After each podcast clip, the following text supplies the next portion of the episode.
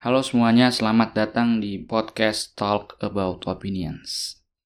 Pada episode kali ini, gue akan sedikit menguraikan masalah mengenai hak asasi manusia di Indonesia.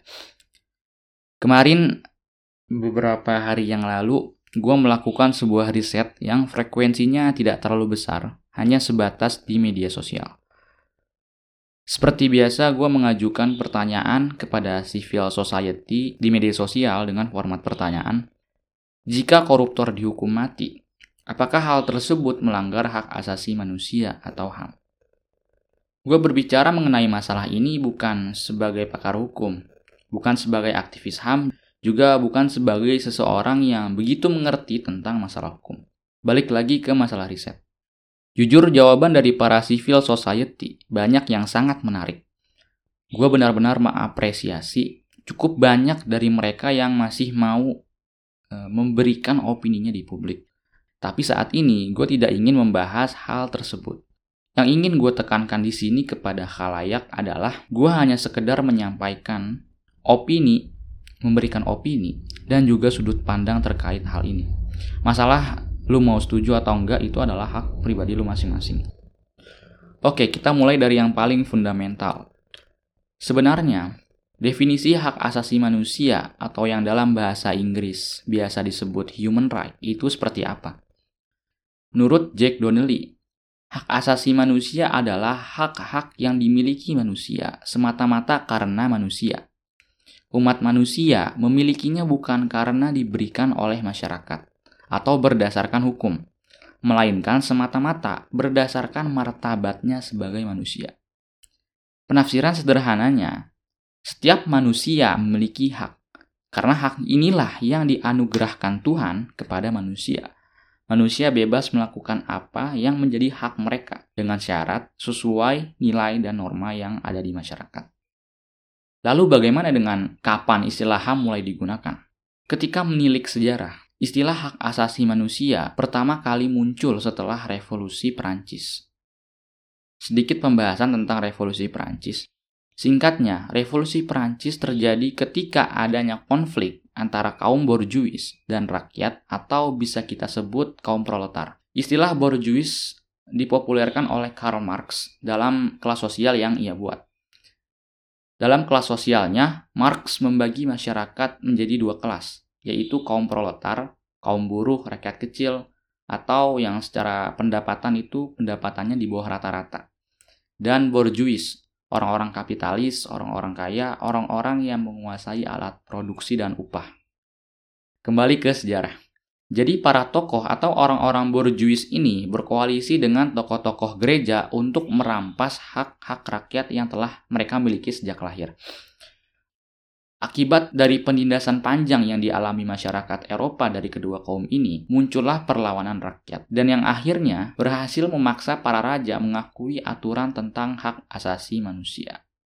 Pengumuman hak asasi manusia pertama kali dilakukan oleh Raja John kepada rakyat Inggris tahun 1216. Jadi sebenarnya HAM itu sudah ada jauh sebelum revolusi Prancis. Namun pada tahun ini pada tahun 1216, istilah HAM tidak begitu dikenal oleh masyarakat. Nyusul Amerika mengumumkan HAM tahun 1773. Hak asasi tersebutlah yang kemudian diadopsi oleh tokoh-tokoh revolusi Prancis dalam bentuk yang lebih jelas dan luas, serta dideklarasikan pada 26 Agustus 1789 Kemudian internasional mendeklarasikan mengenai hak asasi manusia pada Desember 1948. Melihat kronologi bagaimana hak asasi manusia mengalami perkembangan dan transformasi, dapat kita tarik kesimpulan bahwa mazhab hak asasi manusia atau HAM yang selama ini diterapkan di Indonesia bersumber dari pemikiran barat. Lalu apa yang menjadi masalahnya? Bukankah bagus hak asasi manusia mengatakan bahwa setiap orang memiliki atas haknya masing-masing? Memang itu memang bagus, bahkan sangat bagus, pemikiran yang sangat rasional dan sosialis. Tapi timbul keraguan dalam diri gua mengenai masalah HAM yang ada di Indonesia. Cerita sedikit. Waktu itu gua masih e, menempuh jenjang SMP. Masih sangat lugu, gua nggak tahu tentang masalah masalah-masalah politik, apa itu buzzer, teori konspirasi, Menko Polhukam nonton sinetron Ikatan Cinta, karena waktu itu memang belum ada beritanya.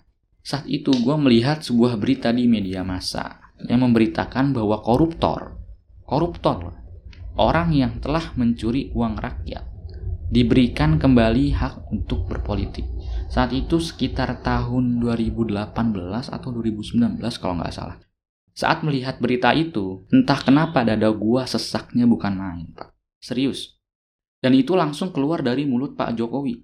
Beliau bilang itu adalah hak berpolitik. Jadi koruptor itu masih diberikan kebebasan untuk berpolitik, untuk menjadi caleg, cagup, bahkan capres. Ditambah pernyataan dari Pak Yasona Lauli selaku Menteri Hukum dan HAM bahwa hal tersebut dikaitkan dengan hak asasi manusia.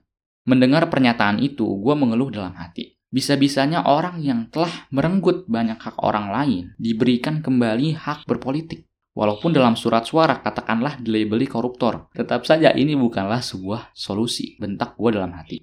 Lalu apa yang terjadi selanjutnya? Selesai membaca berita tersebut, dahi gue mengkerut, dan mimik muka gue setengah kesal, setengah bingung karena saking ceteknya ilmu gue waktu itu. Sekarang juga masih cetek dan kampungan sih. Berita yang gue baca di sela-sela istirahat siang justru menimbulkan polemik di dalam diri gue sendiri. Menurut gue itu sangatlah tidak relevan. Coba aja lo bayangin. Katakanlah ada seorang pencuri yang mencuri uang nasabah di bank misalnya. Ketika pencuri tersebut tertangkap oleh polisi dan uangnya pun ikut dikembalikan, bukannya dihukum oleh penegak hukum malah dibebaskan dengan alasan hak asasi manusia. Polisi itu mengatakan bahwa pencuri tersebut masih mempunyai hak untuk hidup. Itulah analoginya. Kemudian beredar sebuah berita di media massa. Ada Ketua Dewan Perwakilan Rakyat atau DPR yang mengatakan bahwa jika narapidana koruptor dihukum mati, maka hal tersebut melanggar hak asasi manusia atau HAM. Beliau tidak menyetujui wacana Pak Jokowi saat Hari Anti Korupsi tahun 2019 mengenai koruptor yang akan dihukum mati. Loh, ada apa ini? Kenapa terburu-buru begini menyampaikan pernyataan? Apa takut terbaca oleh KPK harta hasil korupsinya? Tenang, backingan Anda kan kuat. Kali ini gue sependapat dengan Pak Jokowi. Gue setuju dengan wacana yang ingin dilakukan Pak Jokowi dan memang harusnya seperti itu. Begitulah cerita singkatnya. Dari situlah keraguan gue mengenai masalah HAM di Indonesia muncul. Dan gue masih aja gitu bertanya-tanya. Sebenarnya, mazhab HAM di Indonesia ini berafiliasi ke mana sih? Kalau ke barat, barat yang mana? Amerika kah? Inggris kah? Atau Uni Eropa? Kita balik ke topik pembicaraan. Lantas, jika seorang koruptor dihukum mati, apakah hal tersebut melanggar hak asasi manusia atau HAM? Jawabannya adalah tidak. Kalau perlu pakai speaker agar terdengar oleh pemerintah. Namun sepertinya telinga mereka sudah disumpel dan dipenuhi oleh cuan. Dalam bernegara, kita harus mengerti apa itu nation threat atau ancaman negara. Siapakah yang menjadi ancaman negara? Perbuatan manakah yang digolongkan dalam nation threat atau ancaman negara? Terorisme kah? Atau apa? Pertanyaannya, apakah seorang koruptor merupakan ancaman untuk negaranya? Menurut gua koruptor jelas mengancam, dari sisi ekonomi saja kita bisa dirugikan. Uang hasil korupsi tidak mungkin mereka simpan di dalam negeri karena akan terbaca oleh pemerintah, terutama KPK. Lalu di mana mereka menyimpannya? Ya, tepat sekali di offshore banking. Offshore banking yang paling dikenal adalah Swiss Bank. Namun sebelum melakukan hal tersebut, kurang afdol kalau mereka tidak melakukan praktik money laundering. Untuk orang-orang kaya, pasti mereka tidak asing lagi dengan offshore banking. Koruptor pasti menyimpan uangnya di luar negeri dan bukan dalam bentuk rupiah, pasti dalam bentuk mata uang dolar. Inilah yang menyebabkan nilai mata uang kita mengalami penurunan secara nilai. Kalau kalian belum paham, gue akan coba jelaskan dengan bahasa yang sederhana. Sebenarnya ini adalah permainan supply and demand, permintaan dan penawaran. Ketika koruptor mengalirkan uangnya ke luar negeri, mereka pasti akan mengonversikan uang mereka dalam bentuk mata uang lain. Dalam hal ini, dolar lah yang sering digunakan. Kenapa dolar? Ya jelas, yang pertama karena dolar adalah currency atau mata uang global. Yang kedua, karena dolar dianggap sebagai safe haven currency. Ketika para koruptor ini mengonversikan rupiah ke dalam bentuk dolar, maka permintaan atas dolar meningkat. Sesuai hukum permintaan dan penawaran, nilai dolar akan terapresiasi atau menguat. Sebaliknya, nilai rupiah akan mengalami depresi atau melemah. Lah, tapi kan itu cuma satu orang. Mana mungkin nilai rupiah langsung turun gitu aja, langsung down gitu aja. Politikus yang main anggaran itu banyak, Pak. Kita asumsikan saja, kita anggap saja bahwa dalam satu bulan ada 10 orang yang mengonversikan rupiah dalam bentuk dolar dengan nominal uang sebanyak 1 miliar per orang. Dikali dalam satu tahun. Berapa jumlahnya? 120 miliar. Belum lagi orang-orang kaya yang menabung uangnya di bank luar negeri atau di offshore banking. Juga belum lagi pebisnis-pebisnis yang menyimpan uangnya pula di offshore banking. Belum lagi investor asing yang menarik uangnya ke luar negeri. Otomatis mereka harus mengonversikan uang mereka ke dalam bentuk dolar, dolar misalnya.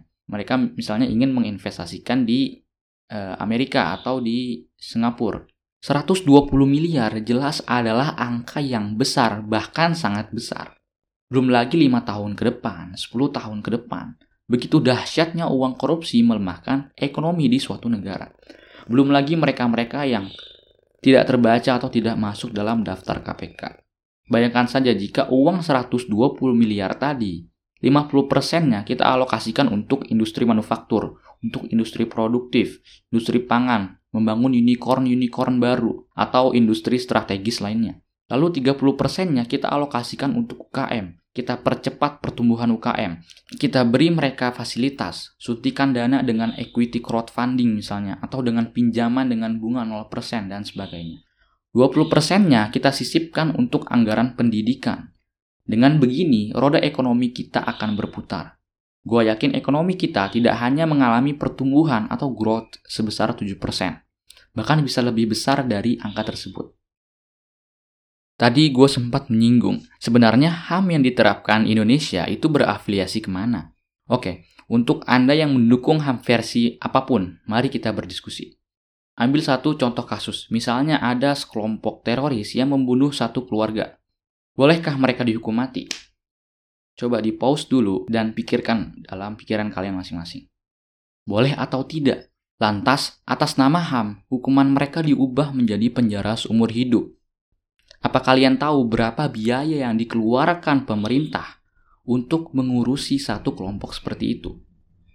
Gak murah, Pak. Kalau ada aktivis HAM, akademisi, ataupun humanis yang teriak-teriak kita ini menegakkan HAM ala Barat. Nah, ini yang jadi pertanyaan gua sebelumnya. Barat yang mana? Lalu dia mengatakan, kita menegakkan HAM ala Amerika. Kami berafiliasi ke Amerika. Kita berafiliasi ke Amerika. Jadi kita berkiblat pada Amerika. Faktanya, di penjara Guantanamo milik Amerika, banyak orang yang ditahan tanpa disidang jika terindikasi mengancam negara. Ratusan orang ditangkap dan diinterogasi lebih dari dua tahun baru dikeluarkan. Bahkan Men in Black atau NSA bisa membunuh orang yang dianggap mengancam negara Amerika dengan Black Operation. Ham seperti itu kah yang kita anut? Negara kita sangat anti dengan hal seperti itu human right di Indonesia itu dijunjung tinggi melebihi kitab suci. Balik lagi ke masalah koruptor. Jadi koruptor itu adalah extraordinary crime atau kejahatan kelas kakap. Mereka telah banyak mengambil hak orang lain, bukan hanya satu dua orang saja, bahkan bisa ratusan ribu orang mereka ambil haknya. Sama halnya dengan terorisme, mengambil hak hidup orang lain dengan membunuh orang tersebut. Terorisme tadi itu hanya sebuah pemisalan saja, tapi di Indonesia, hukuman koruptor diganti dengan penjara seumur hidup plus mendapatkan fasilitas yang memadai. Ini sinting. Sudahlah mencuri uang rakyat, setelah ditindak pidana pun masih mendapatkan fasilitas dari pemerintah. Belum lama ini ada seorang menteri sosial korupsi uang bansos senilai 17 miliar. Publik kembali dibuat kecewa dengan kinerja Kabinet Pemerintahan Jokowi dalam sepekan dua Menteri Kabinet Indonesia Maju ditetapkan sebagai tersangka atas kasus korupsi. Terakhir, Menteri Sosial Juliari Batubara diduga terlibat kasus korupsi pengadaan dan penyaluran bantuan sosial COVID-19 untuk wilayah Jabodetabek. Pelaku bisa terancam hukuman mati jika terbukti menyelewengkan dana COVID-19 yang merupakan dana bencana. Di tengah pandemi seperti ini, di mana masyarakat sedang mengalami kesulitan ekonomi, beliau malah asyik bermain anggara.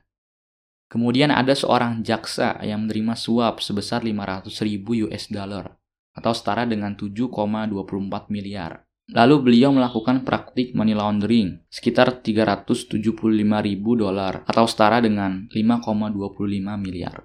Masuklah dengan aman uang tersebut ke offshore banking. Di sinilah peran dolar sebagai safe haven currency. Indonesia saat ini sedang diterjang oleh pandemi. Ekonomi mengalami slowdown, banyak sektor yang terdampak, masyarakat mengalami kesulitan ekonomi, dan sebagainya. Lalu beliau ini, jaksa yang tadi menerima suap, tidak akan khawatir karena seterpuruk apa pun ekonomi akibat pandemi, mau itu krisis, slowdown, nilai dolar akan tetap stabil.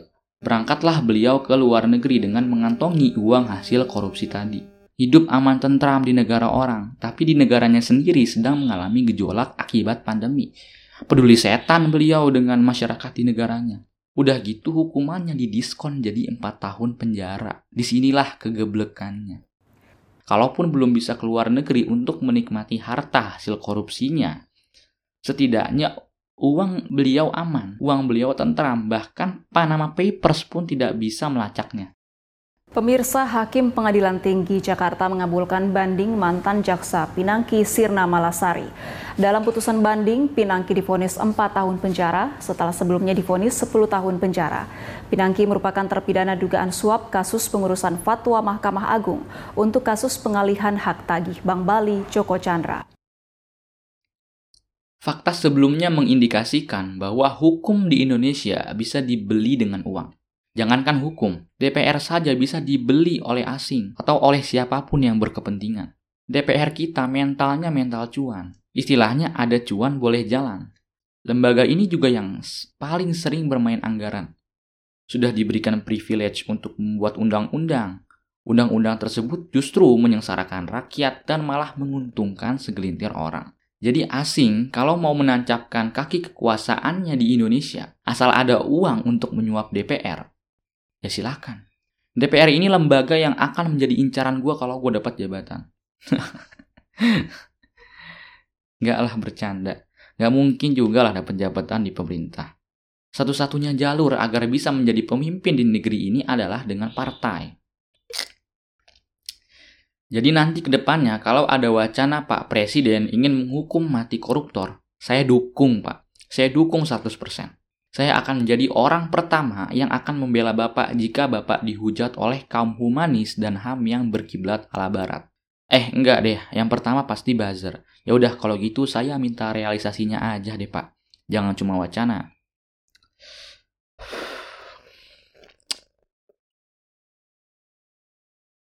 Setelah gue memaparkan sedemikian argumentasi dan beberapa fakta, apa kesimpulan yang bisa kita ambil? Satu hal yang bisa gue simpulkan dari sekian banyaknya opini yang gue sampaikan adalah bahwa ada asas yang lebih tinggi derajatnya dari human right. Ada hak masyarakat dan nation right. Gue tidak sepenuhnya menyalahkan penganut human right ala barat. Kita tahu bahwa hak individu itu perlu. Gue hanya menyinggung HAM yang di terapkan di Indonesia. Di samping itu, ada yang lebih pantas dipertuhankan lebih dari human right, yaitu nation right. Yang gue maksud dipertuhankan di sini adalah ada asas yang harus kita junjung tinggi lagi. Ada asas yang harus kita bela lagi, yaitu nation right. Untuk lo yang sejak awal tidak setuju dengan opini dan fakta yang gue sampaikan tentang HAM di Indonesia, yuk kita diskusi. Boleh dong gue minta data penunjangnya kalau memang HAM di Indonesia itu tidak melebihi hak masyarakat dan nation right. Atau HAM di Indonesia tidak seperti apa yang gue paparkan sebelumnya. Uh, eh, gue rasa cukup untuk episode kali ini.